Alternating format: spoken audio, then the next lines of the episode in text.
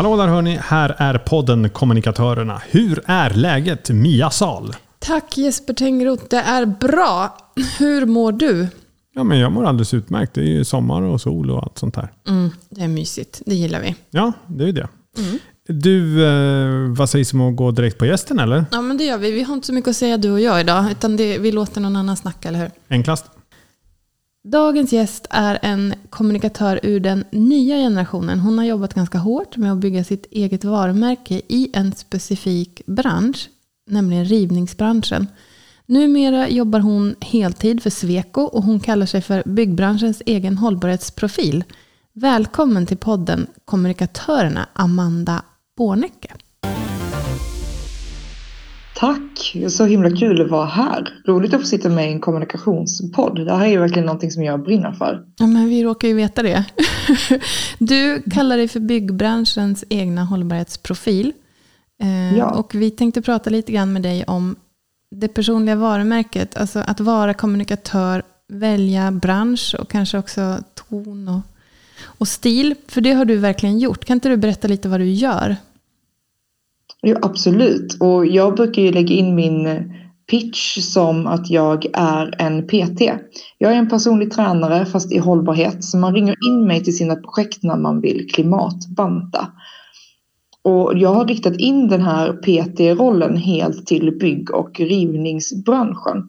För att det är där jag har märkt att jag kan göra störst eh, skillnad. Och sen är det precis som att min personlighet matchar väldigt bra med de utmaningarna som finns i branschen. Den här PT, eh, PT-rollen, när kom du på det? Det var på en släktmiddag när jag satt och pratade med min farmor.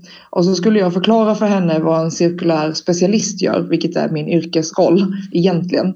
Och så skulle jag förklara för henne vad en sån gör och då måste jag förenkla det på ett sätt så att till och med farmor förstår vad det är jag jobbar med. Och då kom jag på med PT-liknelsen att det är ju egentligen det jag gör, lite som en PT. Jag coachar eh, men företag och inte personer. Och så är det hållbarhet istället för träning.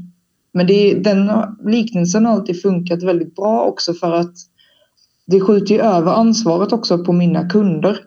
Eller på kunderna som jag konsultar. Att ofta så är det väldigt lätt att hållbarhetspersonen eller hållbarhetschefen är den som gör allt operativa jobbet. Men när jag går in som konsult då är jag ju mer som en hejaklack och så är det företaget som måste göra jobbet. Så det tydliggör det ansvaret också väldigt bra.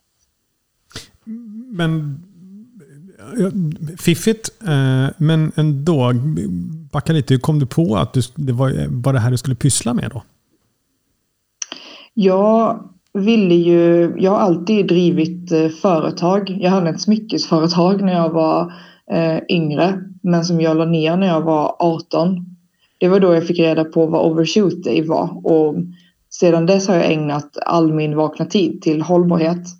Och då pluggade jag en kandidatexamen och sen en master och direkt efter mastern så valde jag att starta eget eh, direkt igen, en egen konsultbyrå.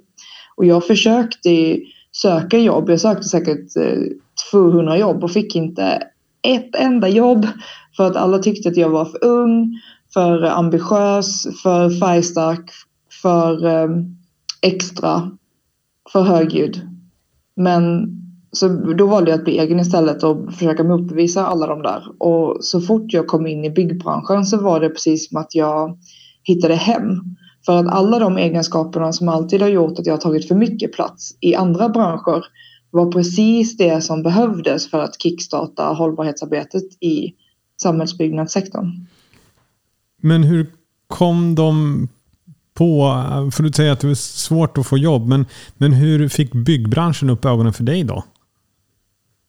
Det finns, jag brukar säga att det bara finns eh, två sätt för unga tjejer att komma in i byggbranschen. Så antingen är du någons dotter eller så halkar du in i branschen på ett bananskal.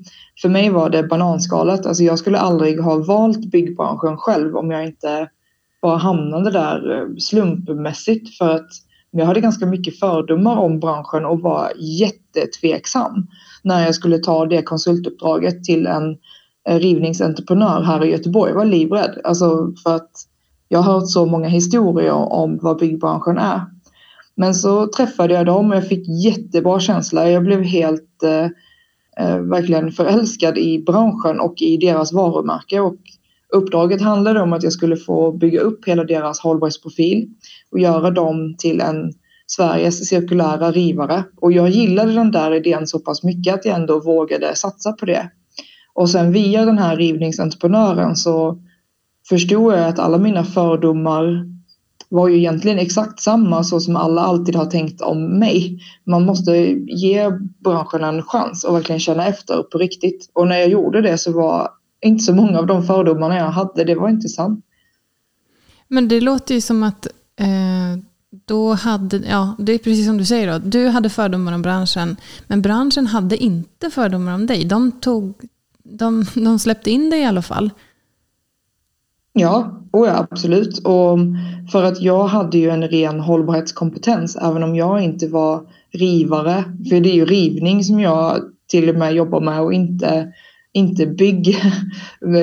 utan, eh, så jag planerar inte och jag bygger ju ingenting utan jag river. Och så handlar mitt jobb oftast om hur jag kan återbruka så mycket som möjligt. Hur kan jag ta tillvara på det här avfallet och göra det till någonting nytt. Och avfall har jag alltid varit eh, duktig och haft expertis inom. I lite olika områden. Har varit eh, matavfall in i livsmedel, textilavfall, eh, jobbat lite med strumpbyxor. Så kollar jag tillbaka på min karriär nu så ser jag att det är avfall som är den gröna tråden längs med min eh, karriär. Att det är alltid det som har varit den gemensamma nämnaren. Och uppenbarligen också kommunikation då känns det som. Ja. För, för du, det känns ju som att du hade kunnat gjort ett vägval, att du hade kunnat jobba med, med, eh, med eh, cirkulär återbruk och annat eh, ut, och bara som en tyst mus. Men du har ju valt en annan väg. Kan du inte berätta lite, hur kommer det sig då? För den här, min konsultfirma som jag startade 2016 handlade om miljökommunikation, varumärkesutveckling och sociala medier. Men jag konsultade ju i hållbarhet, men det handlar om att bygga upp, jag, eh, bygga upp företag som, eller egentligen leta efter företag som har extremt bra hållbarhetsarbete, som är så här världsklass, men som inte kommunicerar någonting om det för att de kanske inte vågar, för att de inte har hela ledningen med sig och gå in i de bolagen och stötta upp Eh, PT, coacha eh, och få dem att få den här självkänslan att våga berätta om allt bra de gör.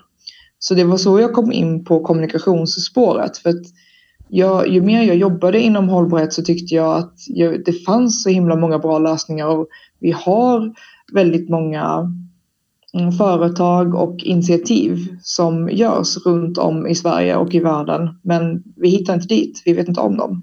Vi pratar ju med kommunikatörer på olika håll i olika organisationer. Och genomgående för nästan alla vi pratar med är att eh, som kommunikatör så får man ofta jobba lite i motvind. Eh, man vill berätta saker men man har delar av organisationen emot sig. Det där ska vi inte säga eller det där är väl ingenting. Eller ja, den typen av attityder. Det låter ju som att du också råkade på det då i början men ändå betvingade dem motståndarna. Hur gjorde du det? Ja, det var egentligen att, ja det var ju många, men det var många som inte trodde på mig generellt där 2016. Alltså jag var ju, eh, alltså på pappret såg det ut som att jag var nyexaminerad fastän jag hade drivit företag och så egen anställning i tio år då. Men bara för att jag var nyexaminerad så var det precis som att jag var helt ny på marknaden och det stämde ju inte. Och men jag tror att det var, jag kunde inte förklara riktigt den, vad jag sålde eller vad jag ville uppnå då, alltså mitt egna varumärke. Så då valde jag att finslipa på det lite själv först via den egna konsultbyrån. Och när man är egen så har man fördelen att alltid jobba med dem som tror på en. Så jag tror att det där har varit en del av min framgångsberättelse att jag ändå satsade på att vara egen först. För då kunde jag välja bort alla de som inte ville jobba med mig. Och bara omge mig med människor som tycker att det jag gör och det jag står för är suveränt och någonting som de verkligen, verkligen vill göra. Så det här mothugget och sånt har jag inte känt av, tror jag, på samma sätt. Men hur skulle du vilja beskriva ditt eget personliga varumärke då? Mitt personliga varumärke är eh, normbrytande, framtidstänk, innovation. Det är ju någonting eh, med det här färgglada, spralliga och så mycket energi. Väldigt mycket positivt eh, också är ju mitt personliga varumärke. För det är ju inte, alltså energi och driv och så. Eh, de frågorna du kommunicerar kring, i, vissa av dem är ju lätt dystopiska. Alltså overshoot day som du pratade om nyss. Liksom, det är inte bara roliga nyheter som, som ligger på ditt bord på något vis. Men, men känner du att jobbar du liksom som en glad kommunikatör oavsett eh, budskap? Ja, faktiskt. Hela min, den här varumärket som jag har skapat kring klimatglädje handlar, det är en, som en antites till eh, klimatskam och, och den typen av eh, kommunikation att jag, om man ska jobba med beteendeförändring så eh, kommer inte den kommunikationen funka långsiktigt. Den kan kortsiktigt ändra några beteenden men inte långsiktigt. Och sen märkte jag ju också i sociala medier till exempel om jag skrev om eh, flygskam då, för jag tyckte att det var en bra kampanj. Då märkte jag att ju mer jag skrev om flygskam i mina sociala medier så var det precis som att eh, mina sociala medier förstod inte om jag pratade positivt eller negativt om flyget utan de förstod bara att jag pratade om flyg. Så ju mer jag skrev om flygskam ju mer fick jag så förslag på flygresor ute till höger. Mm min Facebook. Och det var ju likadant för alla som gillade och kommenterade och delade flygskamskampanjen fick ju också mer förslag ja, på flygresor. Ju mindre du och de ville flyga, desto mer flygreklam. Ja, exakt.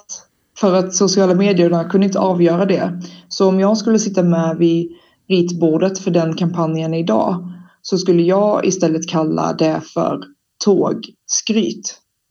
Därför att då skulle alla som gillar, delar, kommenterar eller skriver om den kampanjen också få förslag på tågresor och rabatt på tågresor. Och våra hjärnor fungerar precis likadant när vi vill förändra ett beteende. Ju tydligare vi kan vara, ju enkelt och konkret, ju närmare det beteendet som vi faktiskt vill uppnå och det beteendet vi vill främja, ju närmare vi kommer dit med bara ordet, ju lättare kommer det att vara. Och tänk också hur alla, eh, alla rapporter som hållbarhets, eh, inom sfären, hållbarhetssfären gör, alla rapporter, alla kampanjer, alla dokument vi döper. Tänk så många av dem som är dömda redan från början. Bara för att vi har döpt dem till fel sak. Det låter ju helt självklart när du säger det. Att naturligtvis så borde det vara så man gör. Men varför är det så få som kommunicerar på det sättet då? Jag tror att den klassiska hållbarhetspersonen eller miljöpersonen ehm, i alla fall i byggbranschen så är det någon som jobbar med avvikelser. Redan där har vi ett negativt ord att man letar avvikelser, man letar fel. Och det är också det man rapporterar in i sina system, att man har ett avvikelsesystem. Eh, och redan där så kommer ju också de målen som man sätter upp i ett sådant system vara att man ska minska sitt avfall. Medans jag hade ju bytt namn på den. Jag hade kallat den för förbättringsloggen. Eh, ett sådant system och bara mätt vad eh, man gör bättre. Alltså så en, hur man sätter upp ett sådant mål skulle ju vara hur så ökar vi mängden återbruk. För då visar vi för våra kunder eller våra, jo, våra kunder och klienter att vi hela tiden blir bättre på det vi gör. Att vi blir mer och mer framgångsrika. Det, där så är, det är så jag har valt att främja det. Det är superintressant för att orden vi väljer, det är klart att alla som har suttit och jobbat med kommunikation har funderat på copy och ord och sådär. Men att, att eh, det som du beskriver handlar ju om att, att se ett problem från två håll eller välja att se en lösning snarare än att peka på problemet, eller hur? Ja, absolut. Det, det handlar om att se insikten och inte problemet och jobba utifrån insikten istället. Är det då liksom klimatglädje? Ja, det är min eh, kärna tror jag. Det är där allting eh, kommer ifrån. Mm. Just det, det ordet. Och vet, jag har ju också, många av dem som jag har coachat genom åren nu har ju ändå tyckt att hållbarhetsfrågan är viktig. Men att den är väldigt ångestladdad. Det kan ha varit företag eller människor som har försökt jättelänge. Man har inte gjort någon förändring. Eh, det har inte hänt, gjort någon större skillnad och så har man tappat motivationen att komma framåt. Och då ska jag komma in i de verksamheterna lite som en ingefära-shot och bara boosta upp liksom på morgonen. Är du som en ingefära-shot som person? Det låter ju som att du är en sån som liksom eh, reser upp gång efter gång och bara kör. Du har ett ganska positivt, eh, en positiv livssyn, eller? Ja, det har jag. Jag brukar säga att jag är eh, ingefära-shots. Det är den känslan som jag ändå är ute efter. Att det är den känslan som jag också eh, säljer i mina uppdrag. Att, så att ofta så eh, jag funkar ju bra på workshops, jag funkar bra när man ska göra kampanjer, jag funkar bra som föreläsare och också uppdragsledare.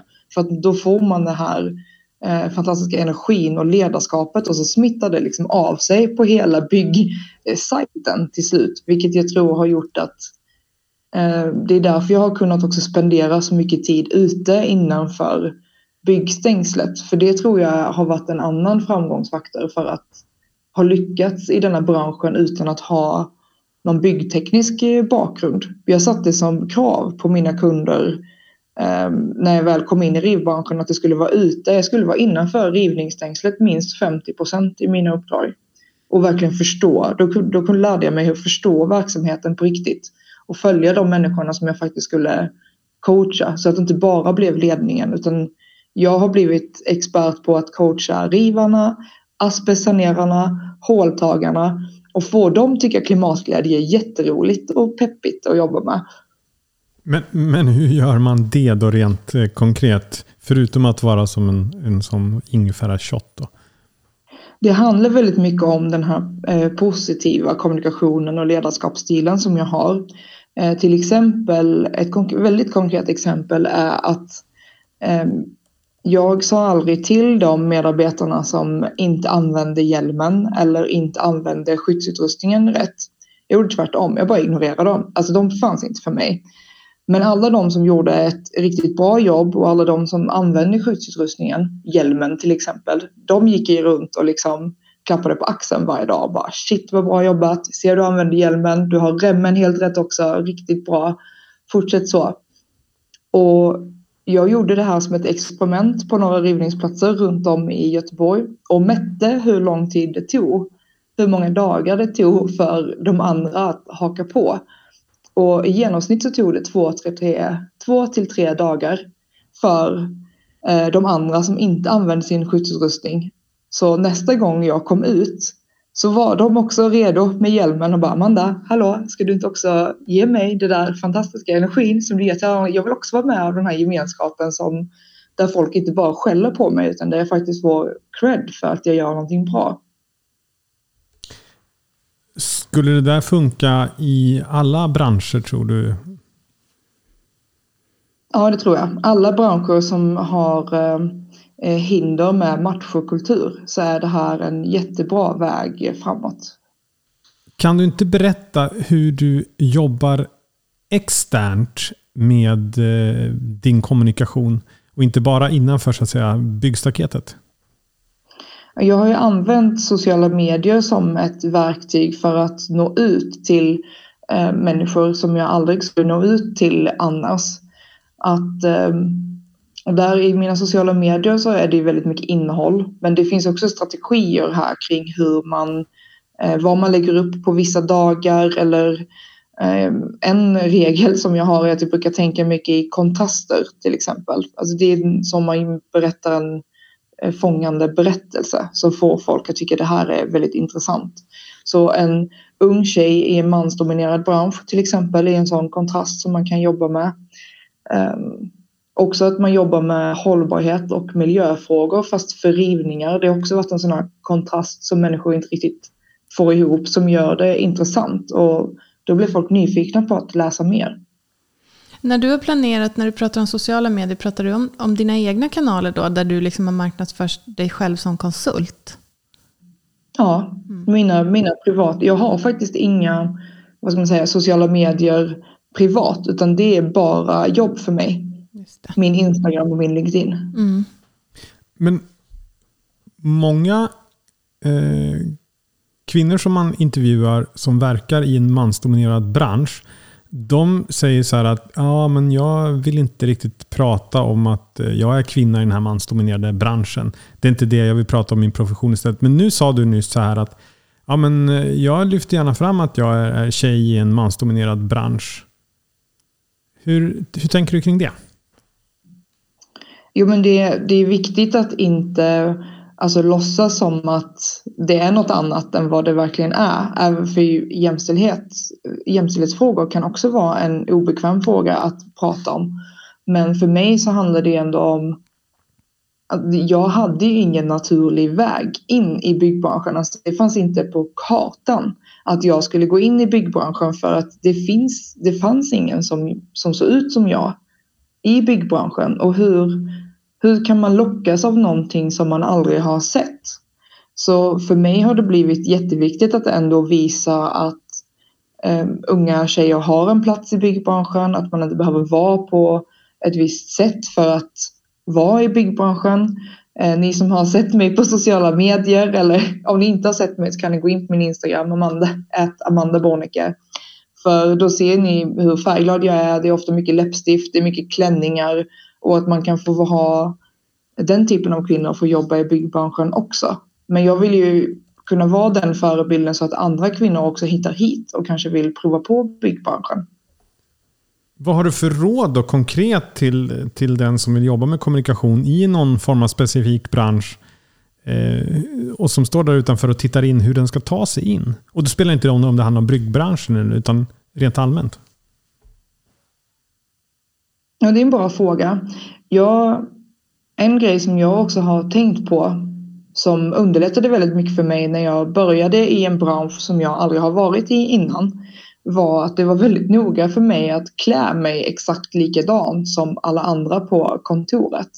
Alltså det, för att i, i många branscher så är det ganska tydlig skillnad på vilka som jobbar på kontoret, vilka som jobbar ute, vilka som styr som sitter på kontoret. Och beroende på vem jag ska coacha eller vem jag ska stötta den dagen så behöver man klä sig eller liksom ja, ha samma språk. Sam, inte bara kläder utan samma språk också som de människorna man ska coacha. Så till exempel om jag ska ta eh, från byggbranschen så har jag sett många inspektörer som åker ut i en väst till exempel och en sån här besökshjälm. Redan där har man eh, satt käppar i hjulet för sig själv för att jämfört med om du skulle klä dig helt varselställ, kängor, hjälmen, alltså då har man ju, är man ju lite obekväm såklart för det är väldigt mycket kläder och mycket skyddsutrustning. Men du når fram lättare till den målgruppen då bara där. Det bryter väldigt mycket barriärer och skapar gemenskap och en lagkänsla snarare än att du är emot dem. Men så å ena sidan våga bryta mönster och sticka ut. Och å andra sidan också passa in när, när det behövs, eller? Ja, precis. Det är båda hela tiden som man får parera. Så att det kan ju vara en blandning av de båda två. Som att man, jag kan gå ut i fullt varselställ men också vara sminkad och ha läppstift. Liksom. Och sen är det ju en personlighet, alltså en, en nästan karaktärsdrag som ändå lyser igenom. Att man är ju den här solstrålen fortfarande oavsett om jag har en klänning eller om jag har varselbyxorna på mig. Kan du ge exempel på när du har lyckats med någonting som du känner dig så otroligt stolt över? När jag skulle börja på det företaget som jag är på nu då frågade de vad min ambition och vad min dröm är med mitt jobb. Och då sa jag att jag vill bidra till att minska Sveriges klimatpåverkan. Det är de projekten som jag vill vara i. Eh, alltså allting jag gör ska man kunna koppla till att egentligen hela Sveriges klimatutsläpp sänks. Och precis nyligen så eh, har jag gått in i ett styrelseuppdrag jag sitter i styrelsen för byggcheferna. Eh, jätte fint uppdrag. Men där har vi fått skriva en motion som gör att hundratusen av Sveriges chefer nu kommer få information om fossilfritt tjänstepensionssparande. Och det där är så otroligt. Jag ska förklara varför. För att jag vet inte om eh, ni vet det i podden eller ni som sitter där hemma och lyssnar just nu. Men bara min tjänstepension, om jag flyttar den till att vara fossilfri så sparar det ungefär 2200 ton koldioxid. Det är alltså mer koldioxid än om jag skulle sluta äta kött och sluta flyga under hela min livstid. Och nu har vi, nu kommer 100 000 av Sveriges chefer att få det här stödet. Så det är alltså otrolig påverkanskraft som man kan få bara på ett enda beslut. Men hur har, hur har, du fått, hur har du lyckats driva fram det då? Vad är dina eh, konkreta råd och tips för att nå eh, fram till det här beslutet? Men det, det, var samma sak där. Det var när jag berättade för eh, människor på sociala medier att jag ville kandidera till byggcheferna så var det väldigt eh, få som tänkte att jag skulle platsa där för att jag är så ung och eh, att man behöver ha en viss erfarenhet eller för att komma in i en sån styrelse. Men jag eh, kandiderade på mina sociala medier att jag når ut till en målgrupp som ehm, de andra i styrelsen kanske inte skulle nå ut till. Också och få ett väldigt tydligt hållbarhetsfokus och chefstöd med hållbarhet. Och det eh, helt plötsligt att det som andra trodde var mina nackdelar blev mina fördelar för att i den kontexten så var det ändå precis det som fattades. Och det där tror jag är ett bra tips att man lär sig vad man bidrar till i en grupp oavsett om man är helt ny eller inte har någon erfarenhet alls så är ju det man bidrar till i en grupp då i det här nytänkandet att man inte är låst i några ramar, man har ingen erfarenhet som tvingar en att tänka på ett visst sätt och där har man ju de här nyfikna och kritiska frågorna som driver fram innovation i uppdrag. Så det där ska man alltid lyfta fram att man kan. Det låter som att du är en ganska modig person ändå. För jag tror inte att jag har tänkt likadant i alla projekt jag har klivit in i. Jag har nog tittat ganska mycket på min egen erfarenhet och hoppas det mm. räcker. Och, eh, är du en, mo en modig kommunikatör?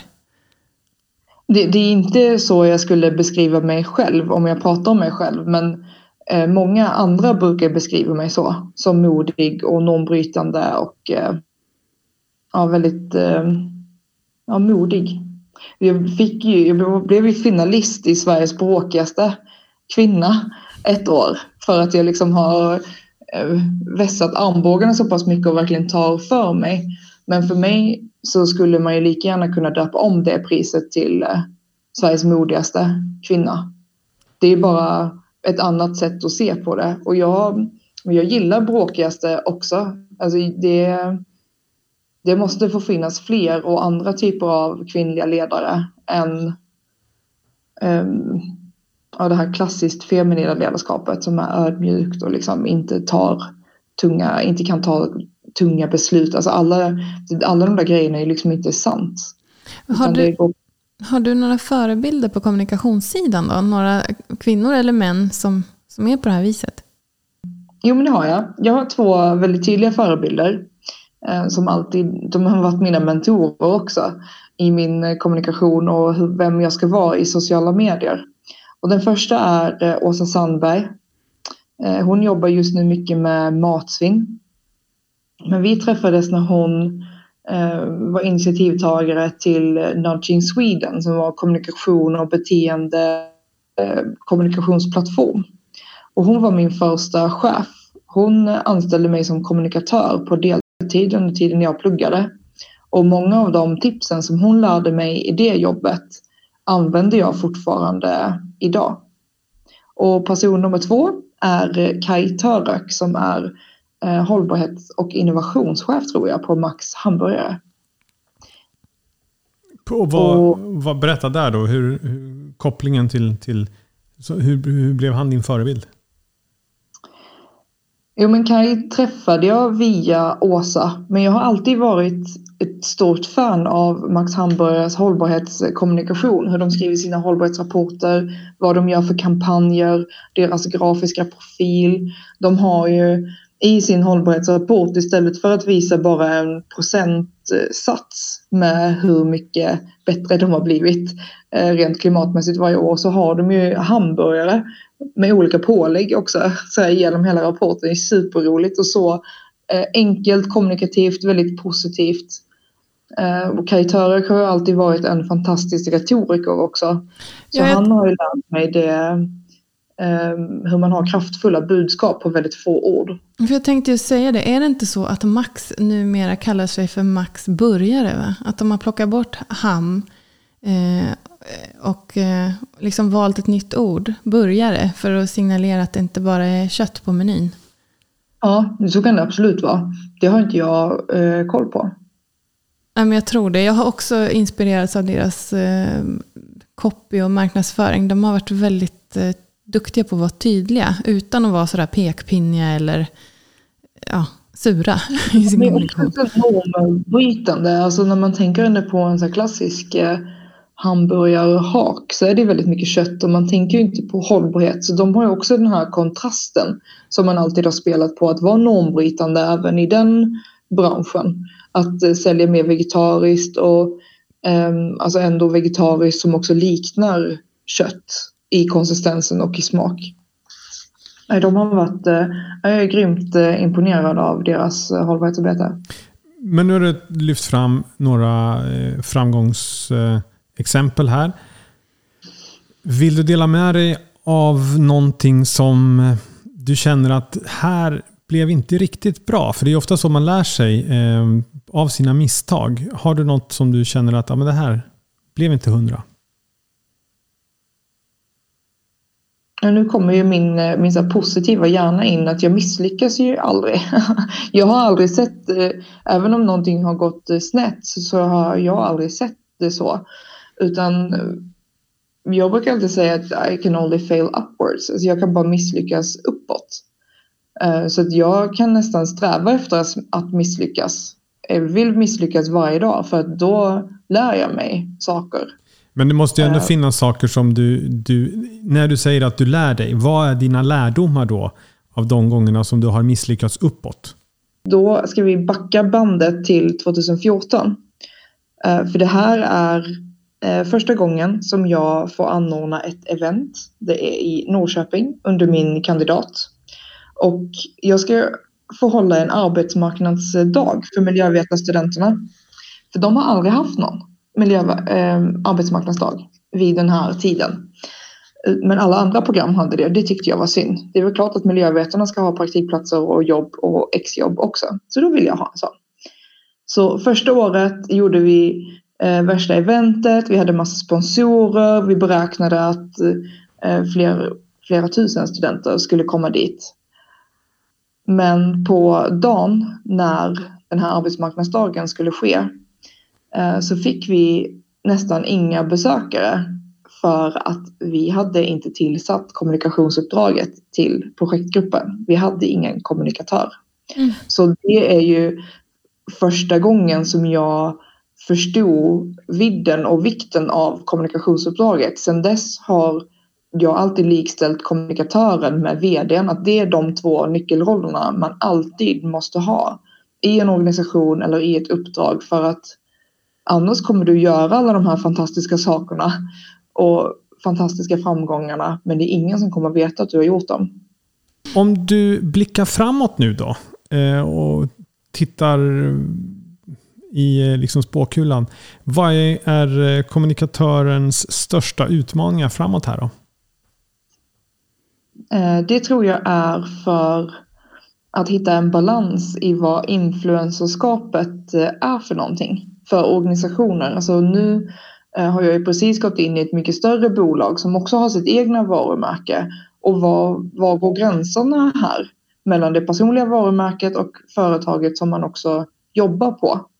Eh, det där tror jag är sådana utmaningar som man som kommunikatör kommer få eh, mer och mer på sitt bord när man har starka individer på företaget som också driver kommunikation i sociala medier eller ut och pratar och hur man ska hantera den typen av ärenden utan att man liksom får deras eld att slockna eller att bara hitta en balans i att vad kan de här människorna få göra för kommunikationsarbete inom ramen för varumärket på företaget? Just det, det, då, det är lite ja. samma typ av utmaning som journalistiken har stått inför ett bra tag. Att man har ett antal lite mer profilerade skribenter kanske eller så. Som, som, eh, mm. som flyger fritt ibland och eh, kanske inte alltid representerar eh, mediet man arbetar för. Mm.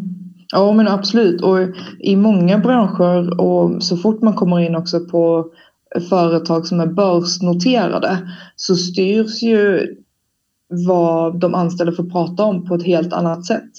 Men min generation och de som är ännu yngre än mig, vi tänker inte riktigt på det på det sättet. Så den, eh, hur det personliga varumärket funkar kontra eh, lojalitetsplikt och yttrandefrihet tror jag kommer förändras ganska mycket de kommande tio åren.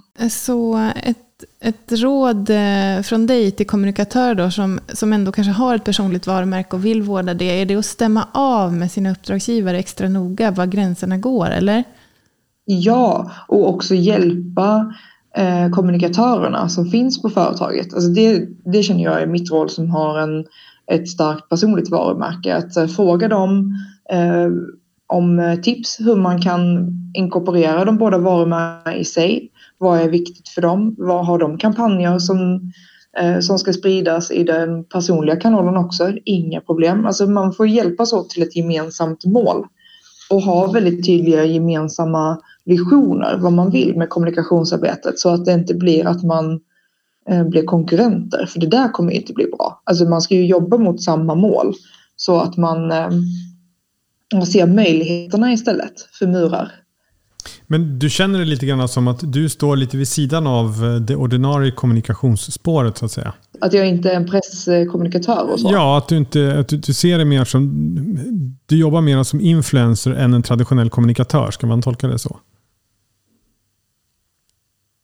Jag har nog aldrig kallat mig för, för influencer. Alltså jag brukar nog mer prata om eh, påverkan och så. Men det är väl bara jag som har en, också en för, fördom om vad en influencer är. Men jag kan vara en influencer men de ämnena som jag pratar om är ju inte konsumtion eller att uppmana folk till att eh, köpa grejer eller få rabatter på saker utan det som jag skriver om i mina sociala medier är ju rivning, återbruk. Och det har ju varit så fantastiskt att det är fler människor där ute som tycker de här frågorna är så intressant, lika intressant som jag och att folk vill följa mig och veta mer om just eh, rivning. Jo, men och kan inte det vara att du, du, du faktiskt är, är influencer fast i ett ämne som man i normalfallet kanske inte eh, förknippar med just det? Ja, för jag har ju alltid sett mig mer som eh, en expert först och främst. Alltså någon som driver, eh, sprider fakta och sprider nyheter snarare än åsikter. Och det har med någonting som ligger mig väldigt nära också i mitt varumärke. Jag tror det är därför jag går mer och mer ifrån influencerrollen eller att man skulle vara lobbyist till exempel. För det är också en helt annan typ av kommunikation utåt när man driver opinion på ett annat sätt. Jag sprider ju eh, fakta och vad som händer i en bransch just nu innanför stängslet som man kanske inte hade fått se annars. Just det. Kan du eh, bara avslutningsvis då tipsa oss och våra lyssnare om andra branscher som också skulle kunna kräva eh, mer och bättre kommunikation, kanske i den form som du, som du berättade om precis nu? Ja, och det finns ju så mycket potential här. Alla kommunikatörer som lyssnar, nu är det liksom spetsa öronen. För nu kommer branscherna som behöver er och er input framöver. Eh, bara inom eh, samhällsbyggnad så finns det väldigt många branscher som inte jag heller visste om. Alltså rivning för mig var inte en egen bransch för fem år sedan. Alltså att rivning är lika stor som byggbranschen, lika stor som logistik, eh, som eh, eh installation, alltså den fastighets Mäklarbranschen. Alltså det finns så många av de här, eh, jag brukar säga tunga industrier nu snarare än att det är mansdominerat för att man vill ju också att det ska vara för alla. Eh, så tunga industrier kommer kräva mycket mer och mycket bättre kommunikation i framtiden. Och byggbranschen, speciellt alla de branscherna också som måste digitaliseras, vilket byggbranschen är en sån eh, bransch som fortfarande är ganska så relativt analog. Och när den digitaliseras så blir också kommunikatörens roll i byggbranschen eh, mycket tydligare och därför kommer det krävas mer på kommunikatörer eller på företag inom byggbranschen som kommer börja anställa kommunikatörer i framtiden. Oh, vi säger amen till det då. Ja, exakt. Vi avslutar med det. Alla kommer få jobb. ja, det var helt riktigt. Vad roligt att höra att du säger så, för att eh, det är väl de tankegångarna som vi har odlat i den här podden bland annat. Vi behövs, eller hur? Mm. Ja, det behövs.